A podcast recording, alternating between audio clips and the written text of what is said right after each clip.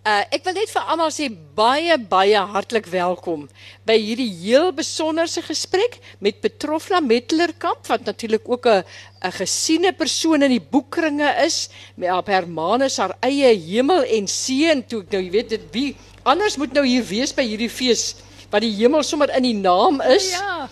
Nou dit sy hoort absoluut hier. So uh, baie welkom aan aan Petrofna. Dankie. Uh vir Iwet het ek uh, al die ander dag uh hartlik welkom geheet, maar vir almal wat my nie by daardie wonderlike wonderlike gesprek tussen haar en Marius uh haar eggenoot was nie, wil ek daarom sê dit was ja, dit was absolute belewenis en ek weet dat vanmiddag dit dieselfde gaan wees, want Iwet is 'n baie wyse vrou. En wat sy doen het betekenis. Dit is nie sommer beelde of voorstellings wat uit die lug gegryp word nie. Almal van hulle het 'n baie lang geskiedenis, persoonlike geskiedenis. Dit kom van baie diep, sal ek maar sê, in haarself. En dit kan 'n mens wat my betref sien aan haar werk. Uh hoe deurleef dit is en hoe dit uit 'n innerlike drang, 'n drif, 'n insig, 'n wysheid gebore word waardeur mens werklik ontsettend baie kan leer. Ek sien hier kom nog 'n hele klompie mense. Ons wag net so 'n bietjie. Ek wil graag vir hulle ook die geleentheid gee om alles te hoor. Ek dink hulle kom nou van die RSG gesprek af wat ek gesê het is nou klaar. So ons wag net dat hulle sit. Ja, en dat baie belangrik is wat ek dan wil sê, is ehm um, wat ek die ander dag ook net uh, vlugtig vertel het. Ons het lankal gesit met die tema hemels en u weet waarskynlik nou al almal waar die tema vandaan kom want ek het dit nou al hoeveel keer gesê maar van die mense wat nou nog nie weet nie wat ek weet van Nederlandse gaste wat byvoorbeeld nou pas by ons aangesluit het vir die eerste keer. Dit kom natuurlik van die hele uh idee van die Maya kalender dat die aarde veronderstel was om 21 Desember 2000 uh in 12 verlede jaar uh, tot nie te gaan hè. En toe het ons gesê ag ons is nie bygelowig nie want ons 13de fees was baie suksesvol. Ons ons sien uit na 2013 ook na verdere suksesse en ons gaan voort met die organisasie. So seker was ek van my saak dat ek sommer al op die 1 Desember in die boekie se voorwoord geskryf het wat hy moes toe nou in by die drukker. Ons almal weet nou dat die aarde nie vergaan het nie sien wat dit is vir my was vir my belangrik. Toe ek gedink, ag wel is veilig want as die aarde nou vergaan gaan niemand tog in die voorwoord lees nie, nê? So dit was daarom ook so 'n berekende risiko wat ek geloop het, maar ek het eintlik nie geglo dat dit gaan vergaan nie. En toe het ek gesê, nou hierdie jaar is die kunstenaars, die skrywers en julle ons feesgangers is die sterre aan ons firmament. Julle is almal vir ons heel belangrik. Nou baie belangrik is uh, event vandag hier want ek was verlede jaar by 'n uh, uitstalling van haar werk by die Breitenberg sentrum het al die tema hemels gehad en daar koop ek 'n maskertjie ongelooflik presies wat ek my voorgestel het van 'n hemelse glimlag. En daardie hemelse glimlag wat dat so 'n diepte ook in lê, dit is die groot rede, die glimlag hoekom u wet vandag hier is maar ook haar ander werk want soos 'n mens sien eh, kyk na haar werk besef jy dit is 'n woordvrou 'n woord en 'n beeldvrou. Sy leef eintlik uit wat die 17de eeuers gesê het van die digkuns en die skilderkuns is susters dit kom eintlik nog van veel vroeër af die digkuns en die skilderkuns of die digkuns en die visuele kuns is susters want die een dien die ander en dit is ook waarom ons by die woordfees so 'n enorme visuele komponent het. Omdat taal en beeld so dig by mekaar lê en beelde in taal en taal in beelde. En sy het 'n wonderlike voorbeeld van daardie taal in beelde. So besonder welkom ons weet dit gaan 'n fascinerende gesprek wees en ons sien baie uit daarna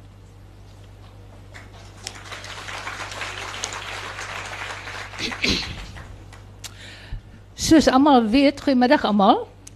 Is Yvette die skrywer van die boek Wat die hart van vol is?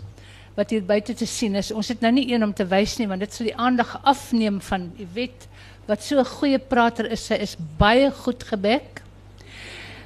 Sy het baie te sê en wat, wat dinge waaroor mens agterna nogal baie kan nadink. Dis eintlik een van daardie mense wat jy na luister en dan moet jy eintlik hier en daar aantekeninge wil neem. Want sy sê goed wat jy kan onthou en bietjie aan herkou.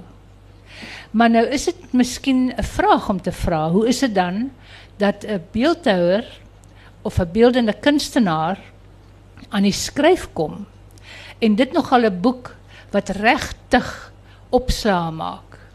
Oral waar die boek gesien word, is daar mense wat in gaande is in eerste plek oor die baie baie mooi voorkoms daarvan. Dis regtig een van die mooiste boeke.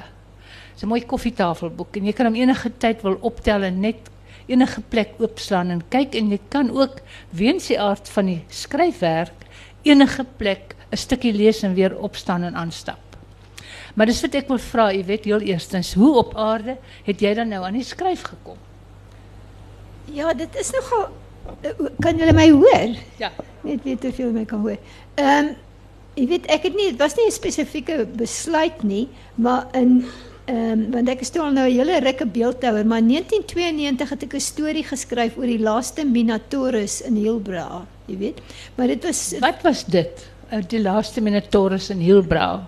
Wel, dit was 'n storie wat ek geskryf het oor hierdie meisie wat in die koerant lees dat daar daar sê die laaste Minotaurus is in in die katakombes van Hilbra en hulle soek iemand om hom te red, jy weet. Ja. En hoe sy dan ingaan en by hom uitkom en besef, jy weet sy moet hom eintlik op 'n reis neem deur sy eie kop, dan word dit 'n reis, 'n landskapsreis, maar dit is 'n reis deur sy eie kop.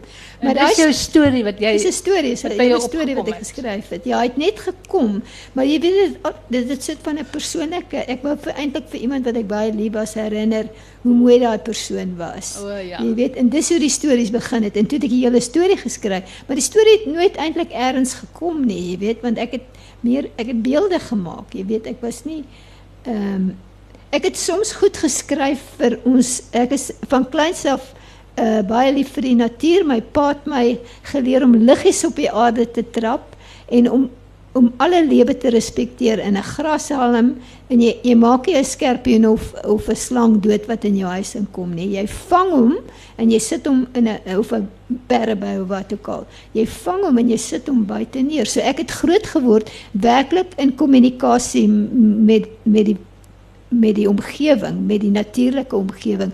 En om die waarheid te sê, ek het geweet my eerste missie was as 'n kind is ek moes help om die wilde plekke van die aarde op te pas en om die see en die natuur te bewaar. En ek het met my ooms gepraat op die plaas. Ek natuurlik niks geweet van velde brand nie, maar ek het as daar dongas op hulle plaas is, ek meen, so dit was 'n passie by my, maar dit het nog nie met beelde en goed te doen gehad nie.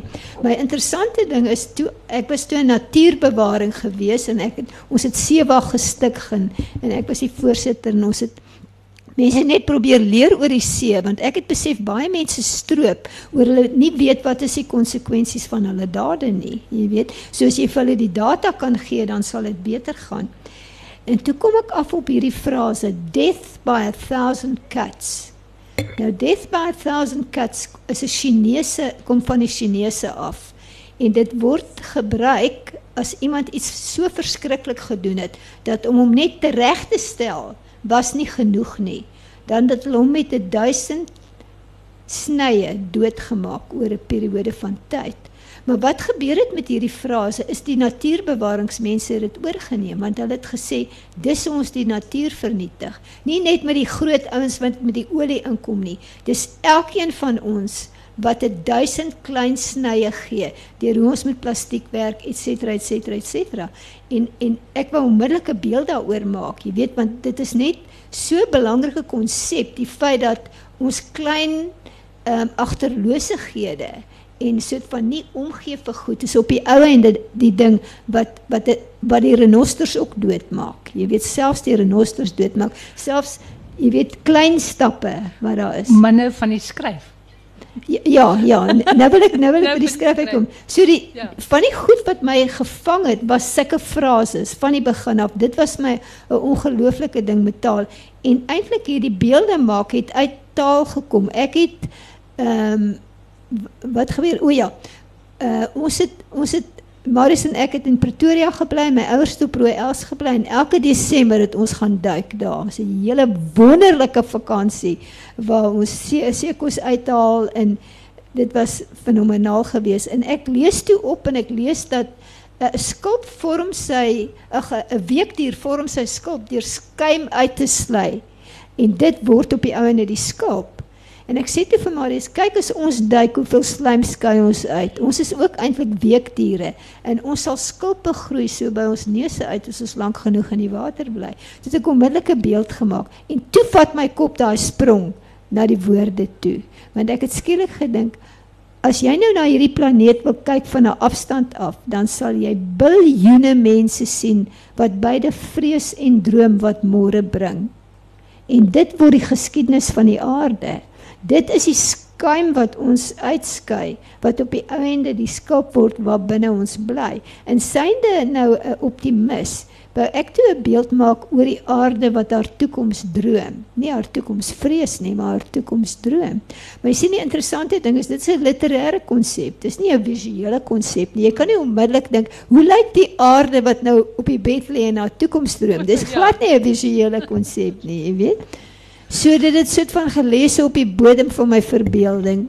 En toe eendag toe kom dit net op dit gaan so oervrou wees en sy gaan so op haar hand blaas sy gaan so gehurk sit en sy gaan so op haar hand blaas en uit haar hand gaan die, gaan die droom groei die die slaim maar dis eintlik 'n droom en dit word op die ou ende die skaap maar was dit nou die eerste ware neerskryf het jy gevoel het ek werk nou baie doelbewus hier so met woorde. Ja, ja. Kyk, dit was die, die dit was eintlik 'n sprong van 'n visuele beeld na na na ja, om te ja. sien die literêre konsep was sterker by my eintlik hmm. op daai verwoording, hmm. jy weet.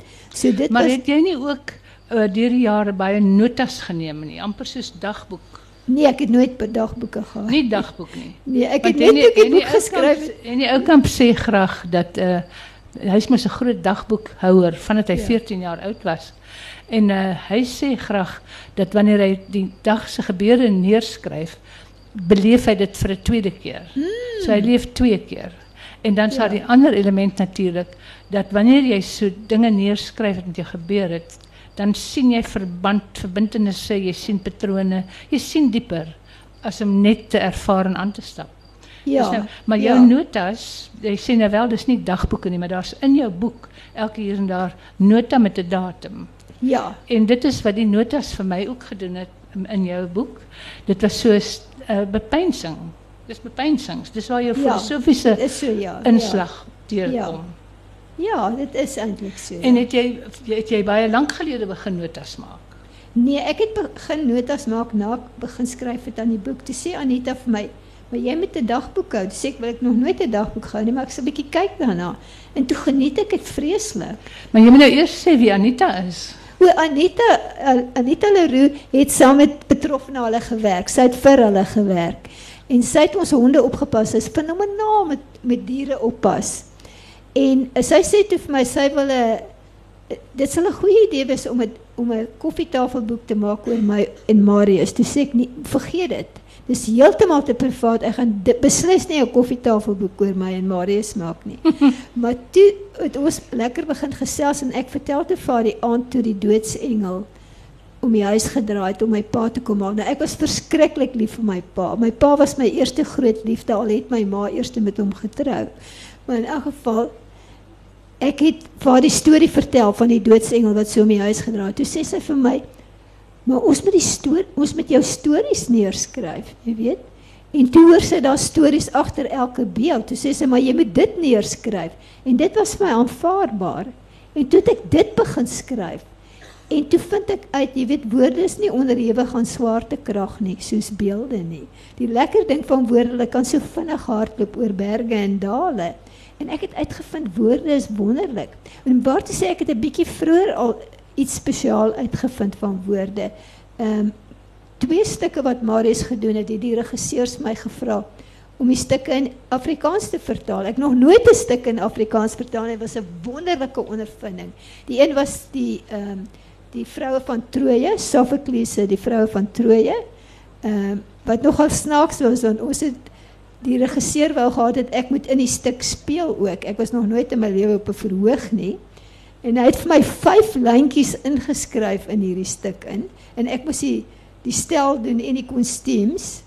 En my 5 lyntjies was soos visse wat elke aand deur my vingers geglip het. Jy weet dit my laat dink hoe ek as 'n kind my arm so in die plaasdam gesit het. Nou probeer jy die paravissies vang en hulle glip so tussen jou vingers deur. En dit dit was eintlik so snaaks want jy kan as 'n beeldhouer teruggaan en die lyn regmaak, maar op die verhoog kan jy nie teruggaan en vir die verhoog vir die gehoor sê ekskuus tog ek wil net weer vir julle daai lyn gee want hy het nie reg uitgekom nie weet. So dit was baie baie snaakse situasie. Hier speel Marius met ses van die land se beste aktrises, met Wilna, met Sandra, met Greta Fox, met ehm um, jy weet al die beste aktrises in die land en Poepel wat nog nooit na lewe op 'n verhoog was nie. Maar dit was my so lekker ondervinding geweest want ek is so gek oor teater om my hele gevoel te kry. Hoe is dit om aan die binnekant van die verhoog te wees? Maar in elk geval, hoe kom ek dit nou vertel? O ja, ja ek vertel ek onthou net van die ek sou vertel van hoe dit by die woorde uitgekom het. Die ander stuk wat ek moes vertaal was Equus. Equus was hierdie wonderlike stuk wat jy jy waarskynlik miskien as 'n film of as teater gesien het. En Peter Shaffer, die die regisseur, het uh, hy's 'n Britse regisseur en hy het gelees dat ehm, 'n um, staljong wat baie lief is vir perde, het ses van die perde wat hy voor lief was een nag verblind in die veld. En hy was so aangegryp daaroor hy het 'n hele toneelstuk daaroor geskryf. En Marius Soete nou die psigiater Duisart speel wat moet uitvind wat gaan in hierdie kind se kop aan. En hier moet ek nou hierdie ding in uit Engels uit vertaal en ek moes hierdie een stukkie vertaal wat hy sê wil die hele ding. En hier sê Duisart terwyl ek deur boeke blaai en kyk na fotos van Centaure, die perdmense wat die rooi grond van Argos ooptrap. Staan hierdie seun in die veld en hy lek die sweet van sy God se hels af. Ek dog, "Joe, in Engels klink dit nie so nie. In Afrikaans proe jy die sweet. Jy weet, dit is so 'n sensuele taal. Jy weet, en en ek was so aangegryp deur Afrikaans dat ek al hoe meer begin oplet het na Afrikaans. So toe ek begin skryf het, het ek onmiddellik oor Afrikaans ook geskryf. Ek het gesê, jy weet, wat so fenomenaal van Afrikaans is dat dit so 'n beeldryke taal is. Jy weet, baie maal is die die beelde is nog vasgekoek in die woorde. Jy weet, soos baldadig en, en dwarstrekkerig en in in lepel lê en al daai woorde uh, hoor jy eintlik wat was die beeld wat, beeld wat oorspronklik geboorte gegee het aan daai beeld. En dit is my vreeslik lekker om met daai goed te werk en ek het gevoel Afrikaans is soos 'n jagluiperd, so gespierde taal en kan so hardloop oor daai grasvlaktes, die savanna van Afrika. En vir my was dit 'n derm, die Afrikaans was soos 'n dermband met die grond, jy weet. Ek het gevoel as die wind waai, dan speel hierdie dermband vir my die musiek van van die stories van van die Doorsland trekkers, jy weet, want my ander groot invloed was P.J. Skuman se boek op die klein spoortjies van hierdie hierdie seun wat by die twee uh, boesmandjies beland. En ek wou baie graag verdwaal by die klein boesmandjies beland. Ek was ja. jy weet, so so dit was my agtergrond was al daai stories en toe ek nou self begin skryf, toe het hierdie goed deurgebloei in wat ek wat ek al reeds deurgebloei het in my beelde het deurgebloei in die boek. So die boek het mag ma as magiese realisme uitgekom het. Definitief. Maar jy weet dat jy gesit en en dink aan een van jou beelde en dan begin skryf. Het jy nogal dit gedoen toe jy die boek gemaak het? Jy besig was om te skryf om 'n boek vol te maak. Het jy na enige beeld gekyk en dan gedink nou begin skryf ek hier, hier uit skryf ek nou? Nee, maar ek sê vir jou vertel wat dit in een ding gebeur want dit is ook binne die kreatiewe ruimte wat ek en Marius saam in in leef. Ek was gefassineerd deur die Minotaurus, jy weet. Nou Minotaurus wat soos wat julle meeste van julle sekerlik sal weet is kom uit die Kretaanse mitologie, daai klein eiland, Griekse eiland Kreta. En koning Minos het vir die god Poseidon, die seegod, baie kwaad gemaak toe het Poseidon vir die koning se vrou verlief gemaak op hierdie groot bil en sy het 'n verhouding met die bil gehad en daaruit is gebore die Minotaurus wat half bil half mens was. Want die koning het hom toe to, toegesluit in 'n doolhof en vir hom een een een keer 'n maand 'n jongeling gegee om op te eet. Jy weet, so was maar 'n tragiese storie geweest. Maar wat my toe gefassineer het, ek sien toe dat in die kerke in die in die in die ou middeleeuse kerke het hulle hierdie labirinte getrek in die middel van die kerk waar die pelgrims gaan loop het. En in die middel van die van die uh, uh labirint was 'n was 'n tekening van die Minotaurus. Want die Minotaurus het toe voorgestel dit wat jy die meeste vrees, die ding wat jy eintlik moet in die gesig staar. En dit het my gefassineer. En toe gebeur nog 'n ding. Martinus Passon en uh, Dieter Raibler skep Minato Productions en hulle doen hierdie wonderlike teater, jy weet. En so die Minatours het toe vir my nog 'n verdere stap as 'n baie kreatiewe basterkind van die verbeelding geword. Toe het ek gedink, jy weet, ek wil nie soos wat die Spanjaarde hulle bulle doodmaak nie. Ek wil soos die Kretaanse akrobate wat op 'n in hulle tipe van sirkusse het hulle akrobate gespring op die rug van die bulle Bolle Makisi geslaan tussen sy horingsdeur en op hulle voete geland en in 'n sin gedans met die bil. Jy weet, hulle het dit op hulle mure geskilder. So dis hoekom ons daarvan weet. En ek het gedink dis waar ek wil werk, dis waar ek wil skryf. Ek wil skryf in hierdie arena. In die arena waar mense tussen die horings van die van die Minotaur deur kan dans. Ek het 'n hele uitstalling gehad wat ek genoem het Dans met die Minotaur en ek maak toe een beeld met 'n minotaur op, maar ek maak toe ook oor ek so baie geleer het uit die teater wat ek verskriklik lief voor is, maak ek 'n klein teaterverhoogie en hierop is 'n akteur wat dans. En toe kyk ek so na die beeld, toe dink ek, "O nee, is te veel detail." En ek sny die akteur af, maar sy spookbeeld bly daar en op daai oomblik stap Marius in. Hy sien dit so en hy sê vir my, "Maar dis presies hoe teater is." Jy skep iets in die volgende sekonde is dit weg. Dit word nooit vasgelê. O, oh, wonderlik. En wat was die beeld se titel? Die titel was Dans met die Minotaur. Dis reg. En en maar ek moet net sê wat ek wat toe gebeur het, wat hy uitgevolg het. Ek het besluit ek moet daai spookbeeld daar los want dit dit vereer eintlik die die die die die ehm um, moed van akteurs om so emosioneel kaal op die verhoog te staan en alles te gee, jy weet. En ek maar jy weet, ek wil baie graag weet, uh, as 'n mens kyk na beelde, dink jy dat beeldhouers gewoonlik soos jy aan iets dink en dan is daar 'n hele storie betrokke en dan is 'n hele simboliek in elke deeltjie van die beeld en is 'n dis uh meer as net 'n visuele skepping. Is dit hoe mense gewoonlik beeldhou? Nee, weet jy, ek dink dit wissel baie. Kyk, party party skilders sê jy moet niks oor jou werk sê nie. Breiten byvoorbeeld wil absoluut niks oor sy werk sê nie. Maar jy kan tog sien as jy sy skilderye kyk. Ja. Hoeveel dinge hy aan moes gedink het. Dis ja. mos vol simbole en uh, betekenisse. Jy weet dis ja, glad is, nie, dis ontsettend nie. Ja, is. Maar ek wonder nogal, ek's net geïnteresseerd wat jy weet van beeldhou en of dit nie algemeen uh ek sou dink jy's miskien 'n rare verskynsel dat jy so sterk met woorde en prentjies en stories werk en daaruit kom 'n beeld. Ek sou dink die meeste ek ek's nie baie ehm um, onderlê en onderlig in beeldhoukuns nie, maar ek sou my voorstel dit is 'n een kunsvorm wat mense regtig visueel doen en dis dit.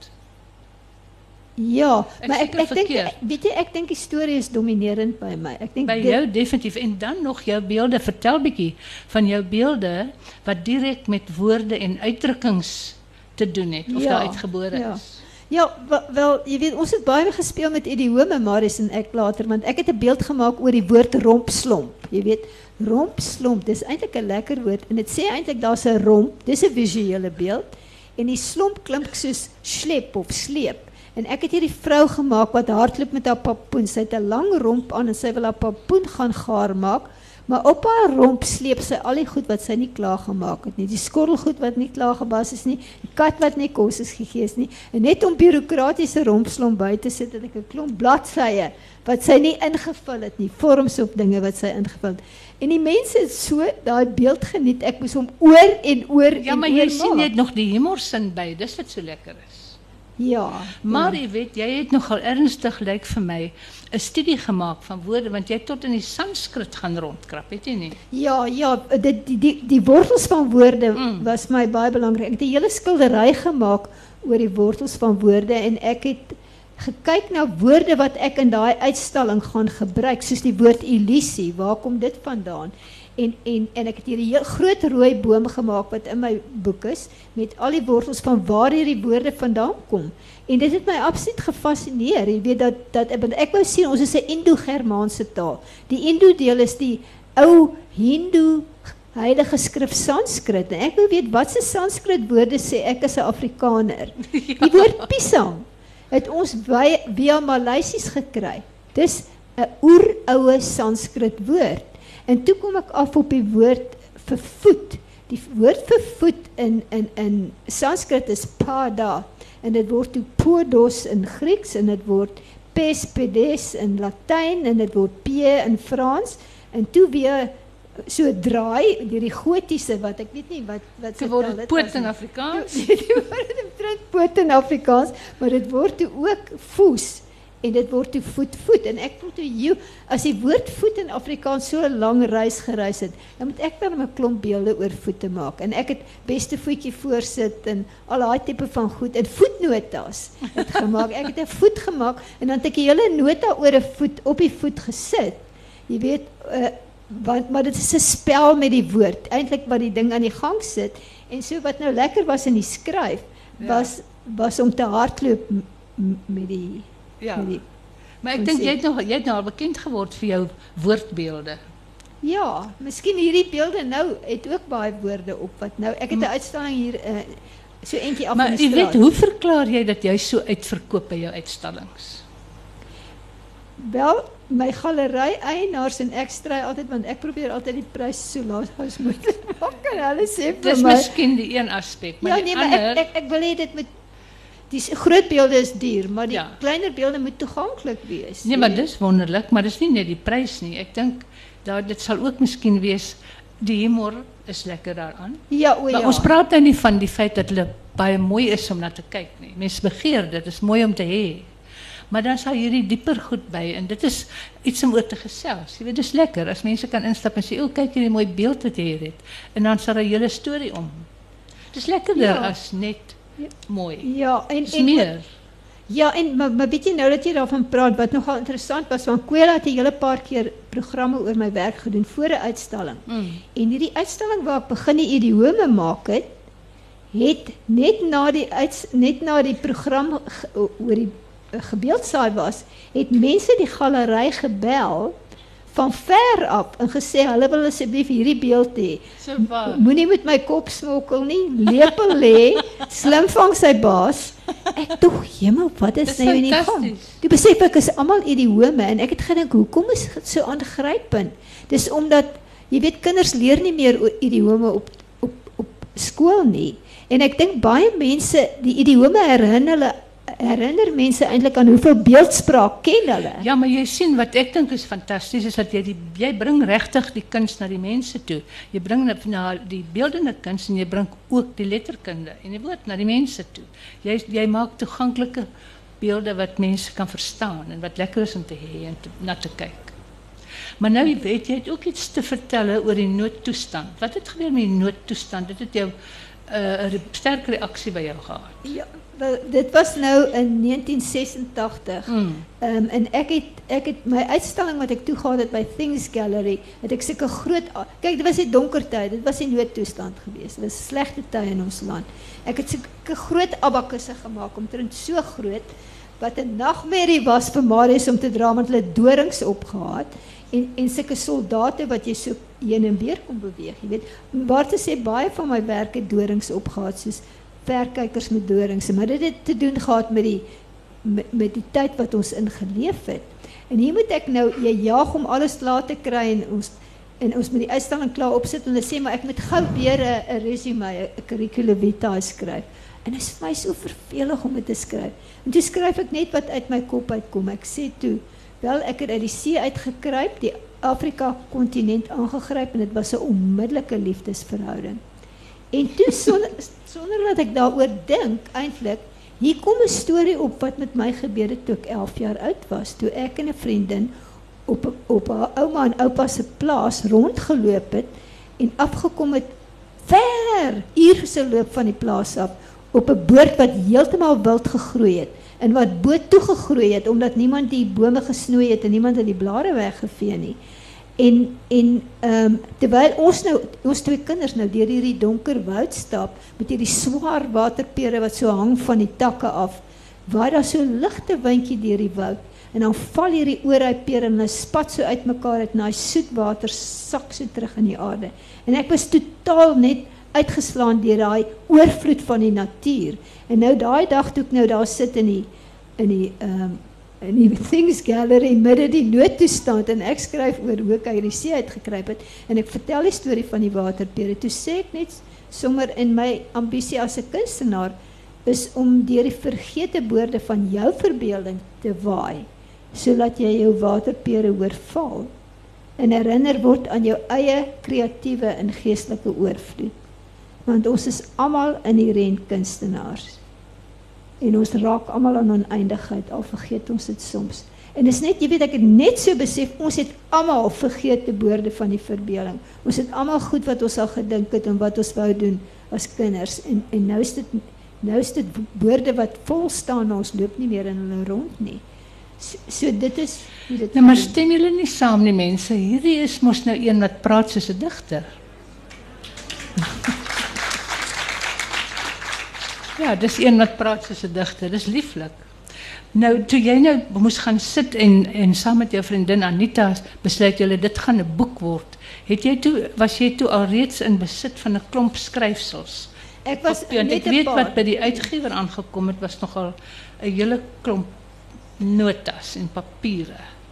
Ja, maar Eh, dit dit om om by mekaar, jy weet Ja. om by mekaar te kry. Dit is so dis 'n dis 'n samestelling van so baie kreatiewe stukkies wat jy aan mekaar gesit het. En ook baie uh deurdag moes rangskik fotografies die die beelde, die foto's van die beelde en wat er geskryf kom nou hier. Dit is 'n hele komposisie met baie dinkwerk, is dit nie? Ja, ja, en was en jy het dit in dele probeer opdeel wat by mekaar pas. Maar die deurlopende ding was dat jy ook 'n vreeslike sterk natuurliefde dwars deur die ding gevleg het. Ja, ja, na natuur is my eer, eerste groot liefde en die ander een is teater en die kunste, Ja, jy weet. ja. Ek is ek het eh, op 'n stadium in my boek sê ek het ek ek was nou al een soort vis want ek skryf die boek eintlik as 'n meermin. En maar As 'n meermin het jy gehoor? ek het die boek geskryf as 'n meermin. Ek sê heel aan die begin, jy weet, voor my geboorte het my ma reeds geweet ek is 'n meermin en dat ek nie uit die binnesee sal kom voor ek nie die buitesee hoor nie. Nou ek is toevallig op die Durbanstrandfront gebore, maar in die Addington Hospitaal en ek sê maar in die boek, my ma het uit die Addington Hospitaal geglip en op die duine gaan lê en haar duie oopgemaak sodat ek die see kon hoor. En die oomblik toe ek die see hoor, toe swem ek uit. En 'n groot golf het gekom en my skoon gelek en dit is dis hoe die boek begin. Want jy sien ek het 'n ongelooflike passie. Van ek so klein was vir die see gehad.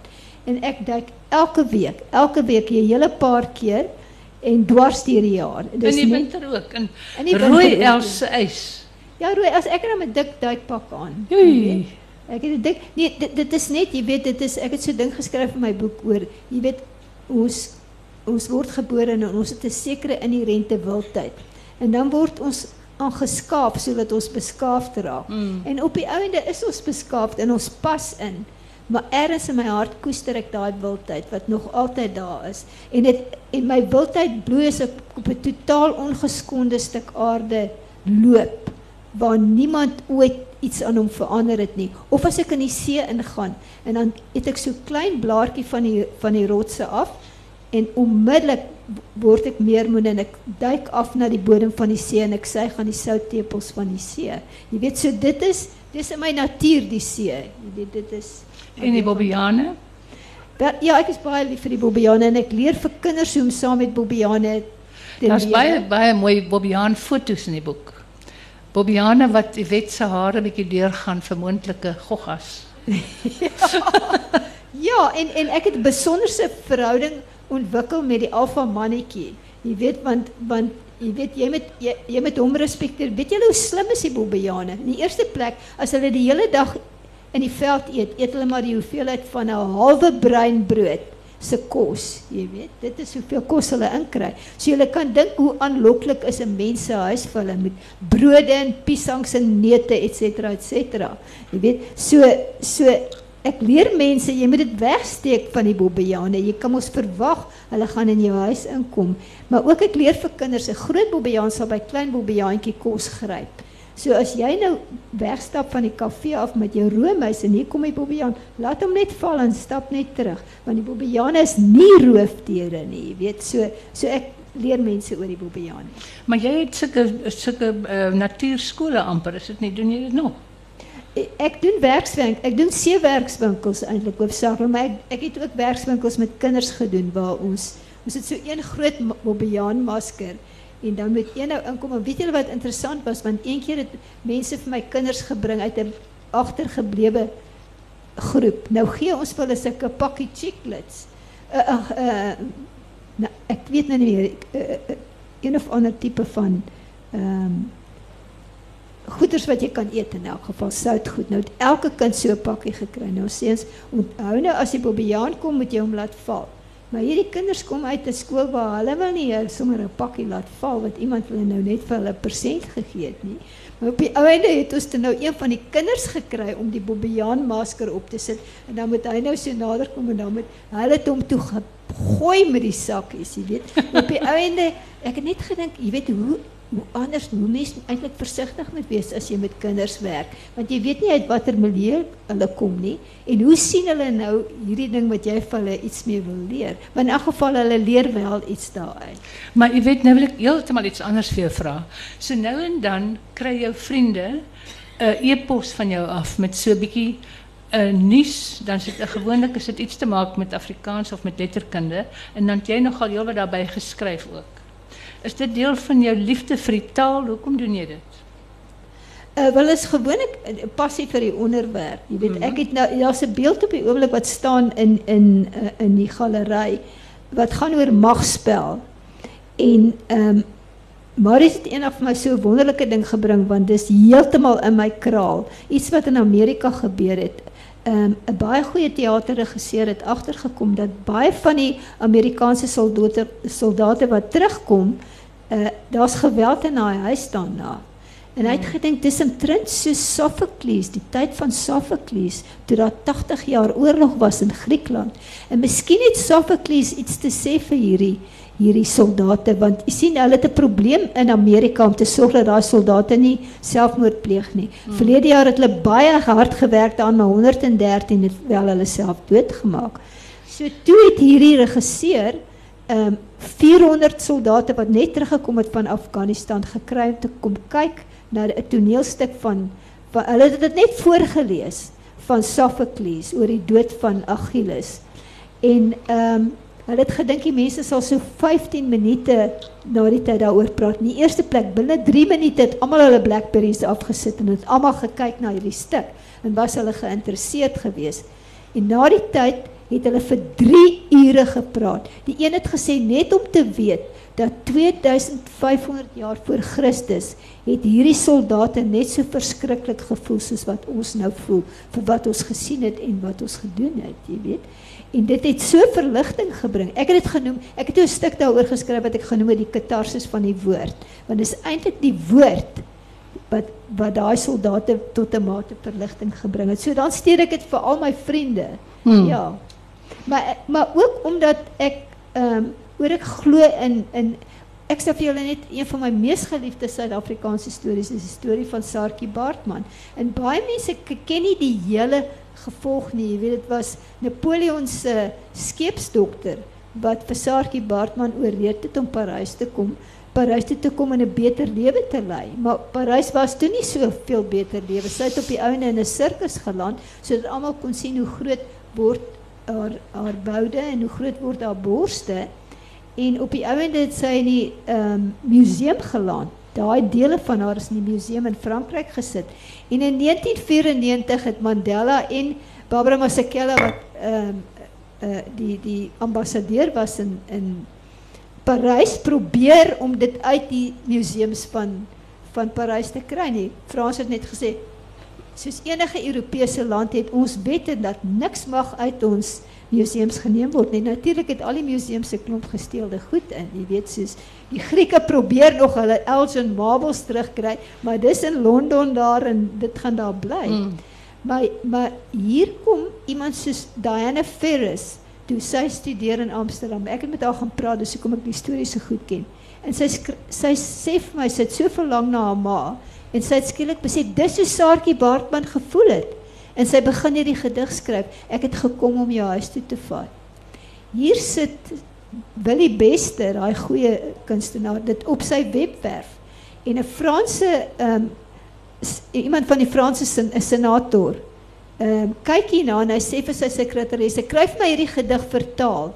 En hy lees dit en hy sê, "Maar ons moet die wette verander in Frankryk sodat Saartjie Baartman kan huis toe kom." Hm. En soos ek sê, Saartjie Baartman het huis toe gegaan op die rug van 'n gedig. Daar is weer 'n kwessie van iemand wat woorde so goed ingespan het dat dit mense se harte en siele geraak het. En Sarkie Bartman het huis toe gekom op daai gedig. Ja.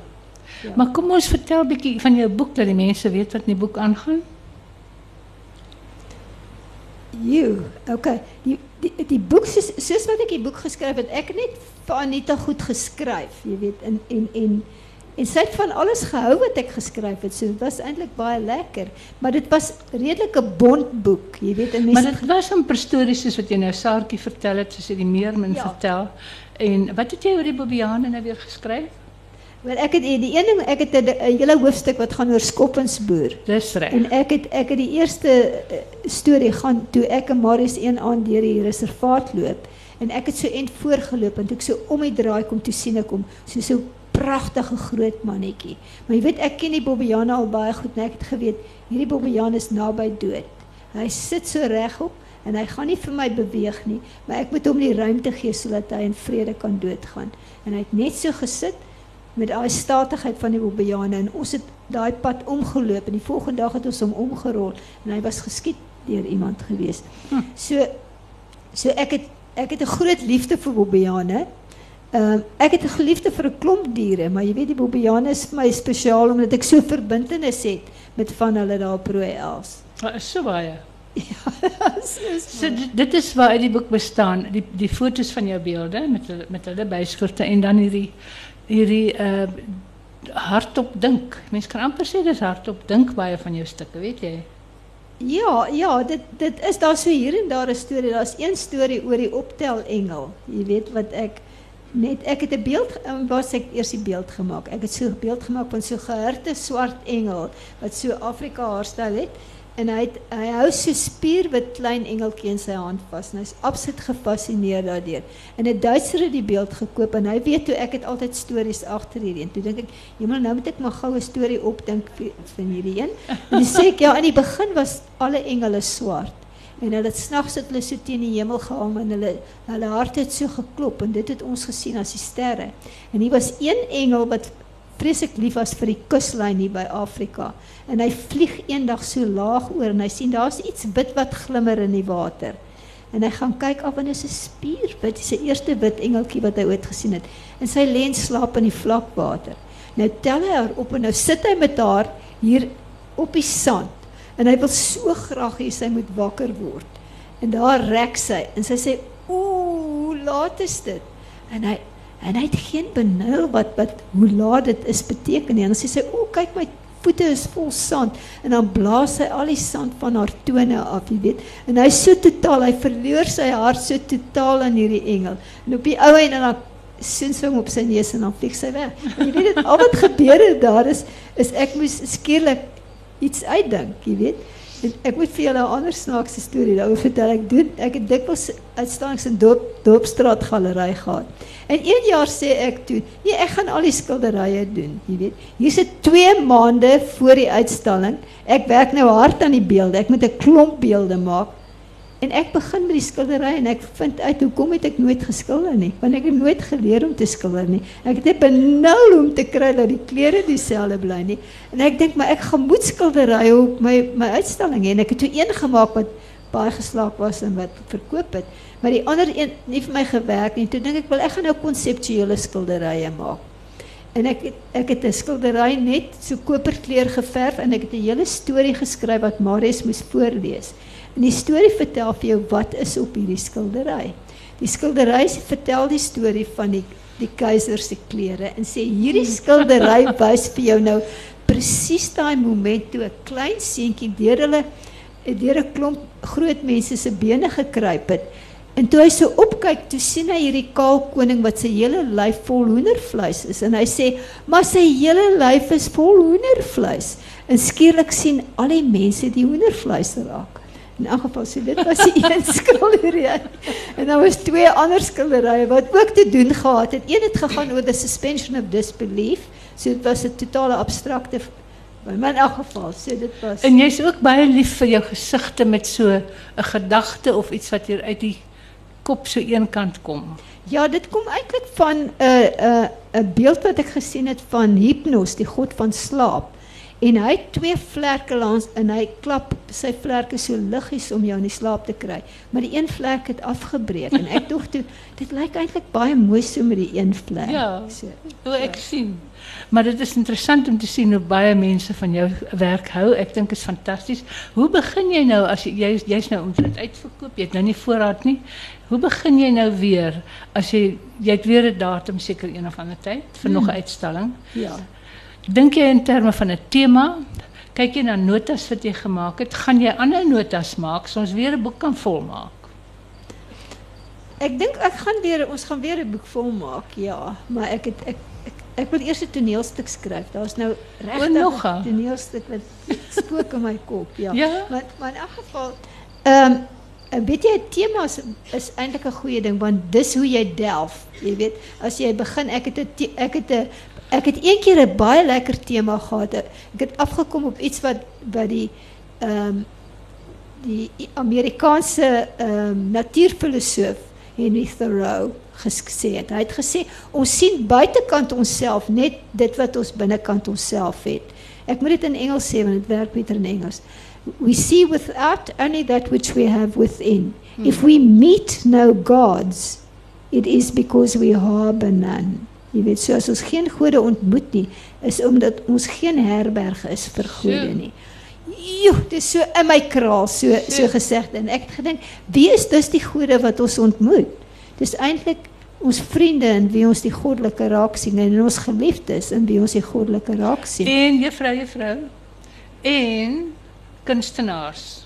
Ja, ja, ja. Dit is 'n uh, ek weet nie of dit deesdae meer so gesien word nie, maar in die ouer dae was 'n kunstenaar beskou as 'n boodskapper van die gode. Uh, en as ek luister na Yvette en wat sy gedagtes so van eers af kom en net gebeur, dan glo ek dit regtig dat 'n kunstenaar met sy skepende vermoë en skepende talent word amper gebruik as net soos 'n medium.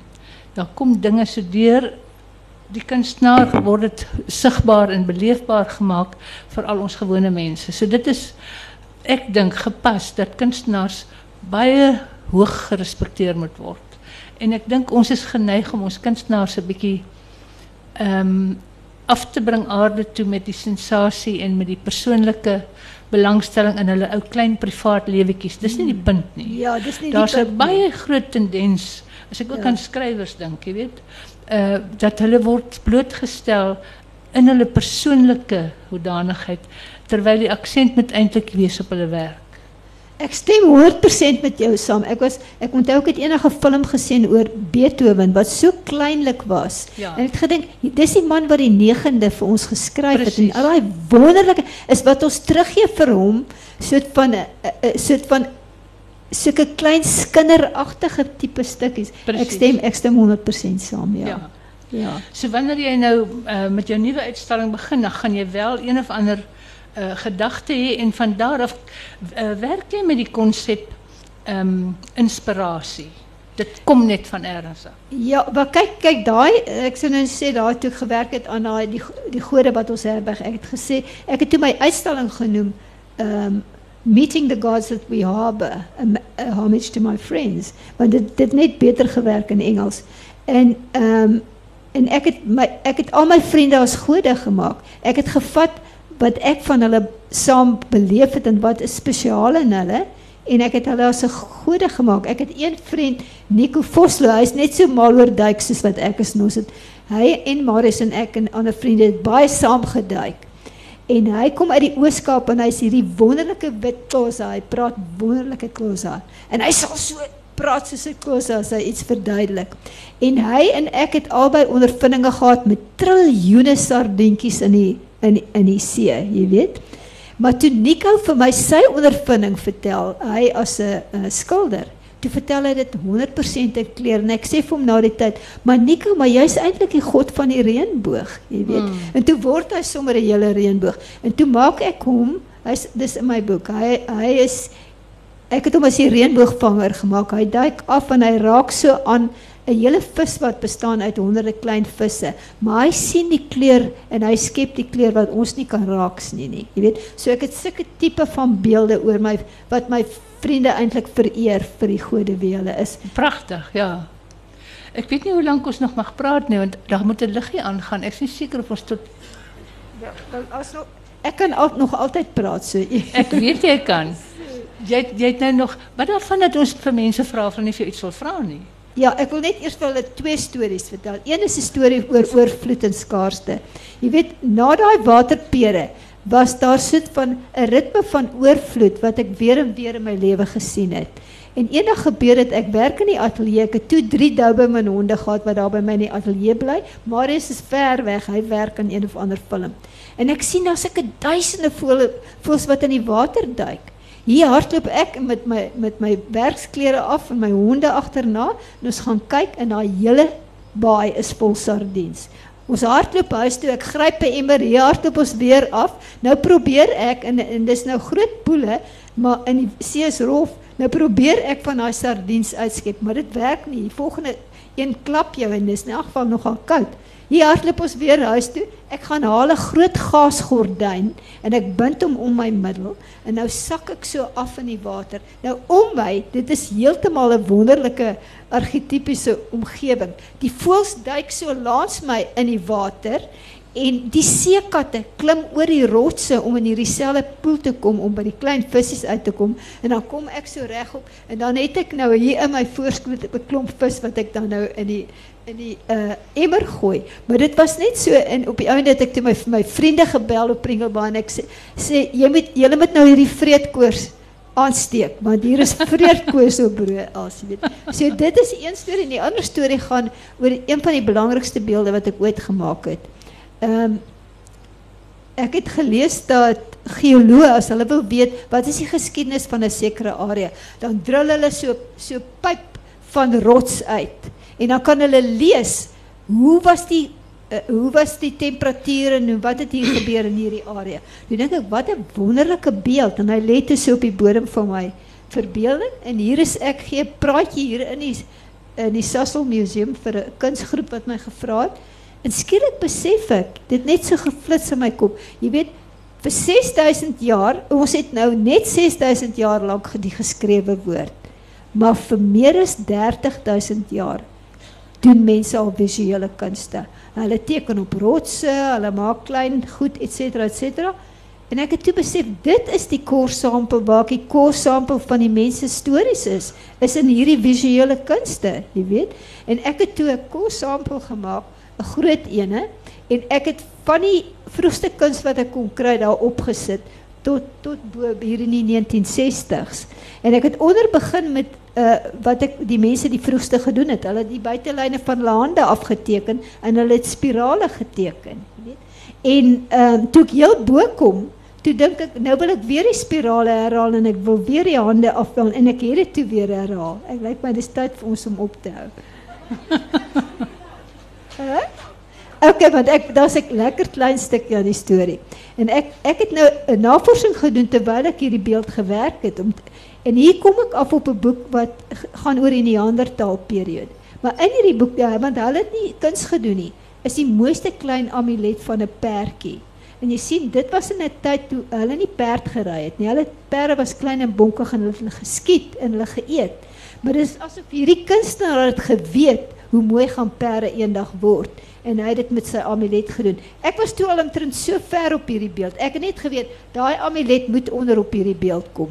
As 'n beeld wat 32000 jaar gelede gemaak is, so onmiddellike effek op my het. En toe besef ek wat is die verskil tussen taal en en en en die visuele. Taal het 'n lineêre ontwikkeling. Hy's taal vervel. Hy gooi die ou woorde af en hy suig nuwe, skep nuwe woorde. Maar maar maar visuele beelde is soos konsentriese sirkels en al die vorige beelde is ingesluit. So jy kan 'n beeld kry wat 32000 jaar gelede gemaak is en hy kan jou net so raak soos 'n beeld wat gister gemaak is. En ek is nou Dankie. klaar.